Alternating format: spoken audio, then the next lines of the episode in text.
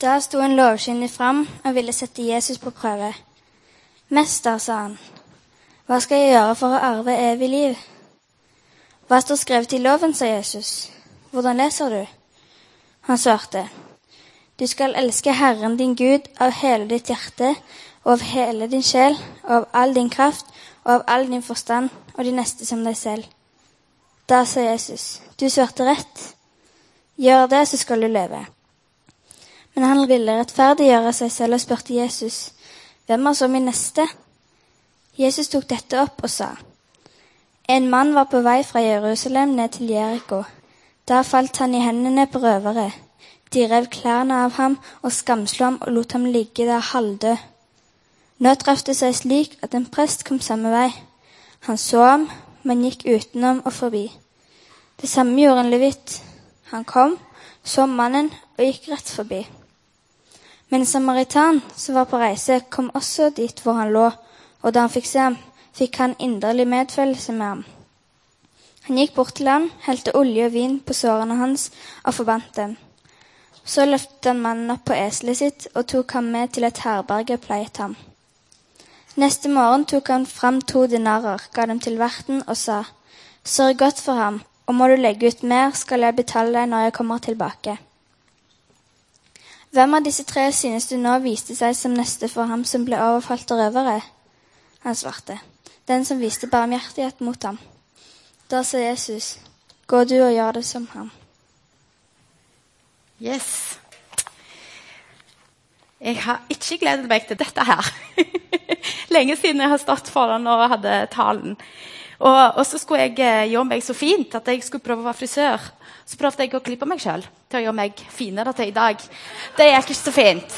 Så jeg prøvde å liksom style litt for å Ja, så dere må bare beklage sine. ja, men uh, ikke, ikke, bare pga. det som jeg ble litt, uh, litt bekymret når jeg hørte at uh, Kan du ha talen? Fordi den historien er jo en av, eller den mest berømte historien Jesus fortalte. Og Den inspirerte jo de første krisene til å ta vare på de fattige, de syke, de spedalske, de foreldreløse. I det som ble jo de første barnehjemmene, sykehusene, krisesentrene. Det var sånn det begynte. Og Det var den historien som inspirerte sveitseren eh, Jean-Henri Dunant for å starte Røde Kors. Han var lei av å høre skrik fra begge sider av eh, krigslinja. Da tenkte han jeg må så var den historien som påvirket. Og den historien òg som eh, inspirerte William Booth for å starte Frelsesarmeen. Og det er jo budskapet i denne historien òg som fikk slavehandleren John Newton, som hadde solgt, drept og slått tusenvis av slaver. Det var den historien som fikk han til å vende seg om. Og senere påvirka en politiker som het William Wilberforce og den politikeren var nøkkelperson for å bekjempe slaveri allerede på 1800-tallet. Så denne historien har mye med seg. Så pga. alt dette jeg synes den historien var vanskelig å snakke om. For jeg føler at det ikke er noe mer jeg skulle ha sagt. Jeg har inntrykk av at alle vet at de skal være snille mot hverandre. I Danmark så ba vi konfirmantene om å lage en verden og skrive reglene om hvordan den verden skulle fungere. Og nesten alle sa at det skulle ikke være noe ondskap. De tok vekk frivillighet, men det er jo en annen sak. Eh, men de var veldig sikre på at alle måtte være snille mot hverandre. Og så er dette med press og krav. For jeg føler at eh, denne historien er med å forsterke en, ting til vi må gjøre. Vi må trene, vi må spise sunt, vi må reise, helst til utlandet. Vi må ha en god jobb, og vi må trives i den jobben vi har. Vi må ha hus, bil, hytte, båt og helst leilighet i utlandet. Og på toppen av alt dette så må du ta videre utdanning. Du må være oppdatert på det som skjer i verden. Du må være tolerant og kul. Og så må du være snill mot hverandre. Jeg vet ikke om dere, men jeg, jeg føler meg trøtt av å bare tenke på alt dette her. Så når jeg så den teksten, så ble jeg litt tom i hodet. Jeg tenkte liksom, Har jeg noe å komme med her? Men jeg har òg tro på at Bibelen er en annerledes bok. Og en av de tingene som gjør den annerledes, er at den alltid har en utfordring til oss. Og en ny utfordring. En tekst får flere og dypere betydning når du leser den en gang til. Og så tenkte jeg ok, da samme gjelder denne teksten. Så jeg leste den mange ganger. Jeg vet ikke om dere klarer å se, men jeg, mange ganger. Og farge og gjort det veldig fint. Historien er ikke alle som vet, men jeg er utdannet jurist. Jeg jobber ikke som det er nå, men eh, jeg leste jo teksten med en litt annen vinkel enn de fleste. Denne historien handler jo om en jurist, og han ville ha en juridisk debatt med Jesus. Og Det begynner med en debatt. Han ville ha en debatt, men det ender opp med en veldig praktisk historie om godhet. Den eh, lovkyndige eller juristen stilte et spørsmål som han allerede visste svar, fordi han ville teste Jesus. Og Jesus snur på det hele, og han stiller spørsmål tilbake. Og Jesus spør ikke bare om saken i seg sjøl, men han spør hva tenker du Hvordan leser du? Han ville få fem. Hvem er du i alt dette her? Og Juristen spør om hva jeg skal gjøre for å arve evig liv. Og Jesus svarer gjør det, så skal du leve. Jeg vet ikke om dere skjønner, men Å arve og leve er to forskjellige ting. Å arve så har jeg inntrykk av at du får noe som du har krav på. Du er et barn i familien, så får du arven. sant? Du får den, og så kan du nytte det etterpå, og så er du ferdig. sant? Men å leve er noe jeg liker veldig godt å google hva ordet betyr på norsk. Jeg synes det er spennende. Ikke alle dere som er født og oppvokst i Norge, som søker hva 'leve' betyr på Google, men det gjør jeg. og Det sto at å leve er å være til. Å engasjere seg i og ha en forståelse for.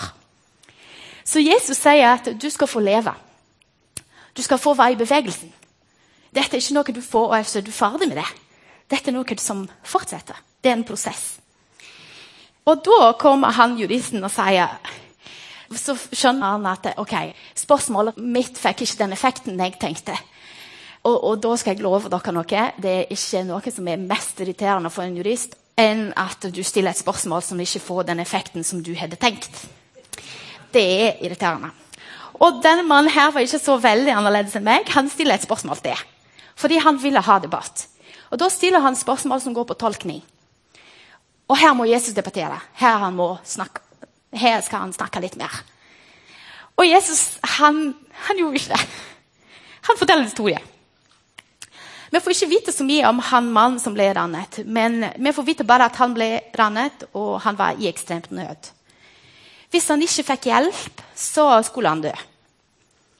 Og tre personer kommer i historien. Alle tre går gjennom samme veien, og teksten bruker de samme ordene for det som skjer med de første to. De kom, de så, og de gikk. Og disse er veldig aktive ord. sant? Du kommer, du ser, og du går. Og den tredje personen den begynner veldig aktivt. Han kommer. Men mens han kommer, så skjer det noe. Han får se. Og han får inderlig medfølelse hele ganske passivt. Sant? Han kommer, men da har han stoppa. Og han ser ikke, han får se. Han lar det synet av den mannen komme inn på ham. Og det er bare etter han har sett og fått se og fått føle at han går og er aktiv. Og når han er aktiv, så er han ganske aktiv.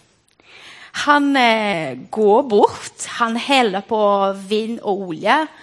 Og jeg eh, leste meg opp litt sånn, hva medisinske, hva gjør det vind og olje. Det hørtes litt ekkelt ut. men det betyr at du skal desinfisere såret, og helte olje det hjelper med sikatrisering og sånn.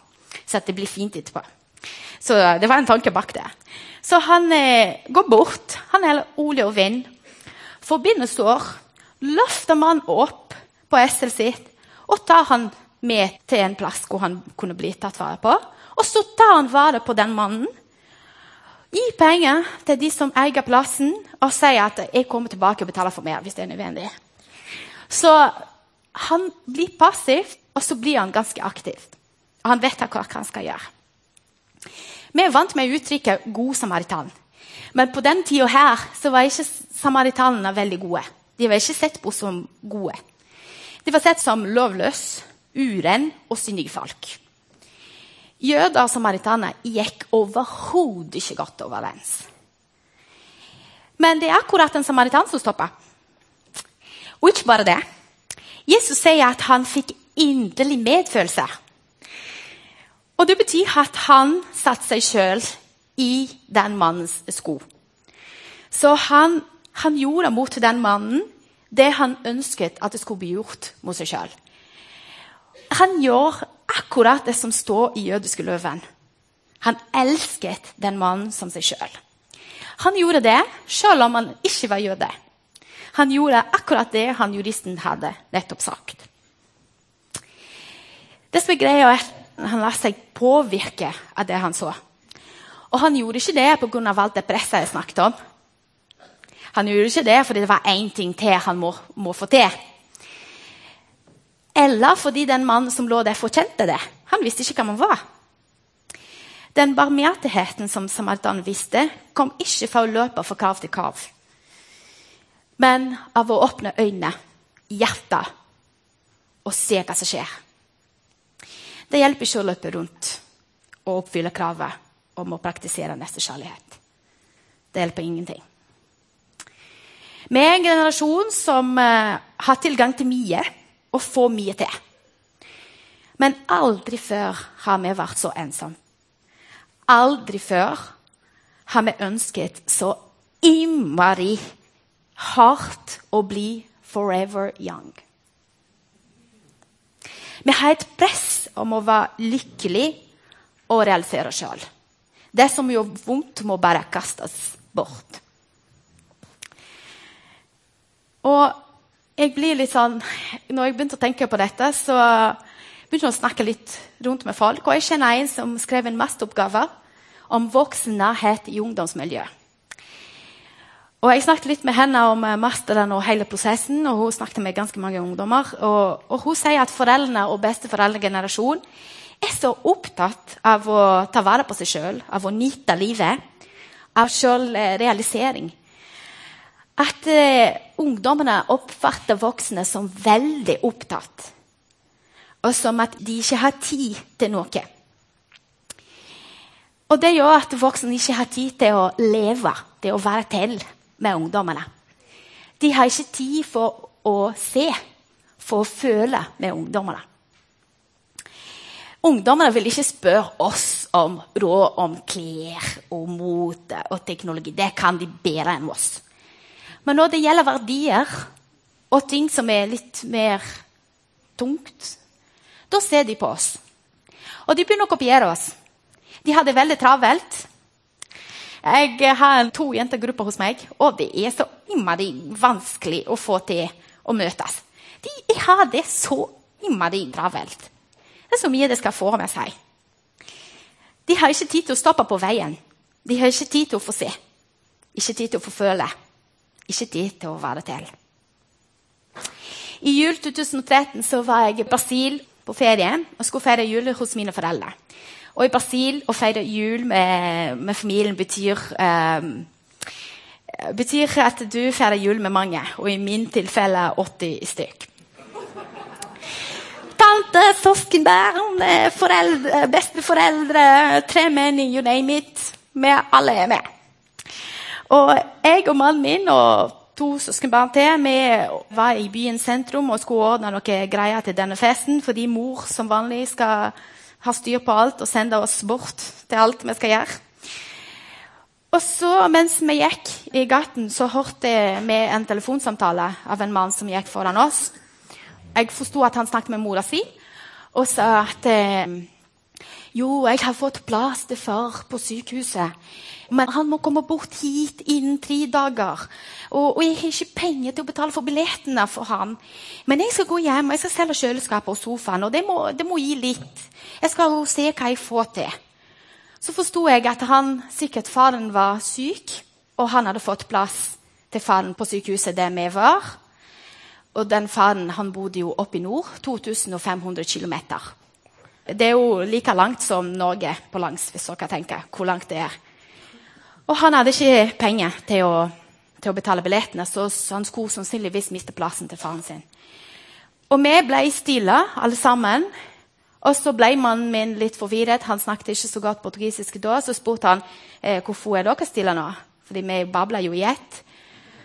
Og så spurte han på engelsk hva skjer, og så, så forklarte jeg. Og så sier han ja, men hvorfor hjelper vi ikke an? Hvorfor kan vi ikke hjelpe? Og så sier jeg nei da, du stopper ikke folk på gata og sier kom her, jeg skal hjelpe deg.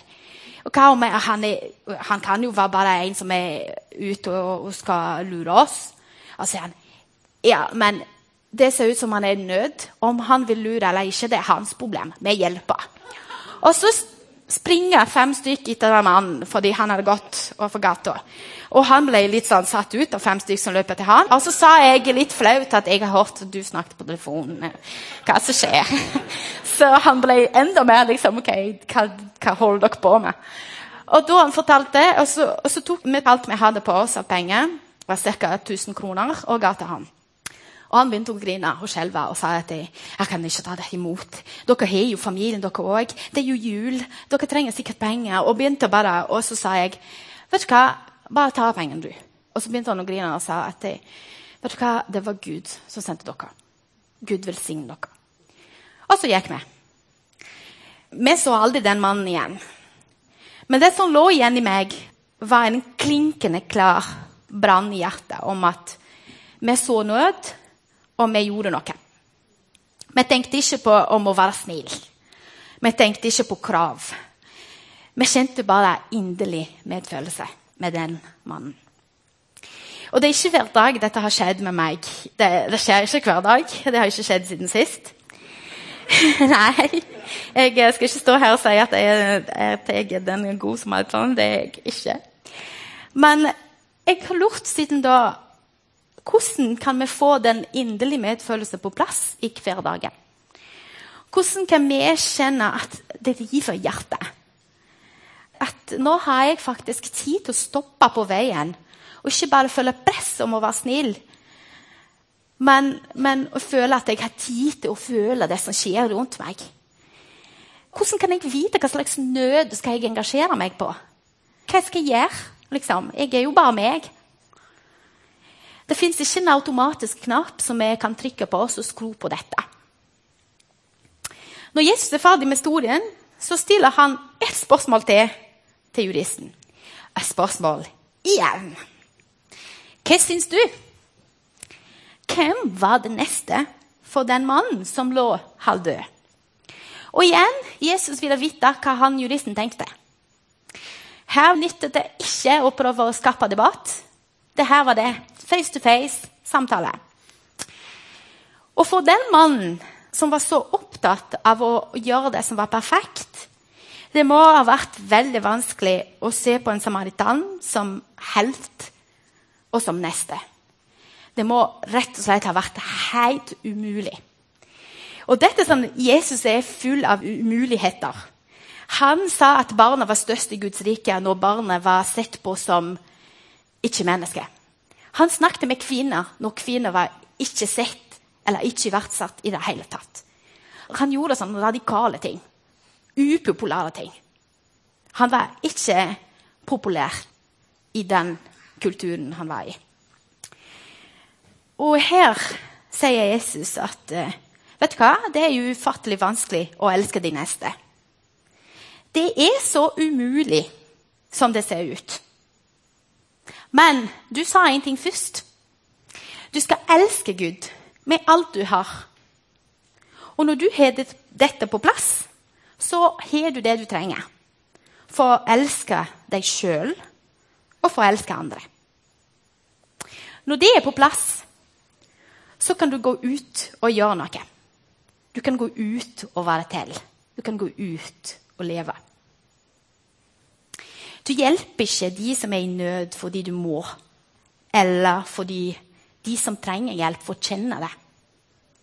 Du gjør det fordi du har fått noe som du må bare gi videre. Det er bare så naturlig som det. Når vi elsker Gud av hele hjertet, sjel og forstand Og her står veldig tydelig hjerte, sjel og forstand. Det betyr følelser. tanker. Du trenger ikke å parkere hjernen din for å tro på Gud. Det trenger du ikke. Han sier der hele hjerte, sjel og forstand. Når vi gjør det med hele oss, når vi har den relasjonen, så fyller den relasjonen oss med en kjærlighet som bare renner over oss sjøl og andre. Og vi elsker oss sjøl og vår neste fordi Gud har elsket oss, og vi elsker ham. Og i den relasjonen kan vi kjenne at vi lever. At det river hjertet. Og vår godhet og vår barmhjertighet blir ikke en ting til vi skal klare, men en virkning av det vi har fått. Og hvis vi tør å stoppe og få se og få inderlig medfølelse, så ser vi at vi faktisk trenger den relasjonen med Gud. Det fins en tomhet, en trøthet, som hindrer oss for å se, for å føle, for å virkelig leve. Den tomheten, den ligger der. Og det er kanskje Jeg har sagt dette mange ganger. Konfirmanter er veldig lei av å høre meg si det.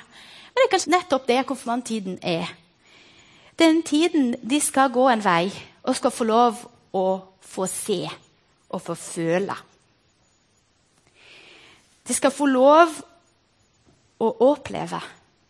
De skal få lov å kanskje endre måten de ser på ting. Og For oss andre så blir det et spørsmål hva er det vi ser i den veien vi går nå? Jager vi etter mye og hjelper andre blir bare en brysom ting? Hvordan kan vi snu det? Hvordan kan vi snu det å være brysom til å bry seg om? Jesus sier at når vi har den relasjonen med Gud på plass, da, da lever vi. Da får vi være i bevegelse. Vi må kjenne at det virkelig river hjertet.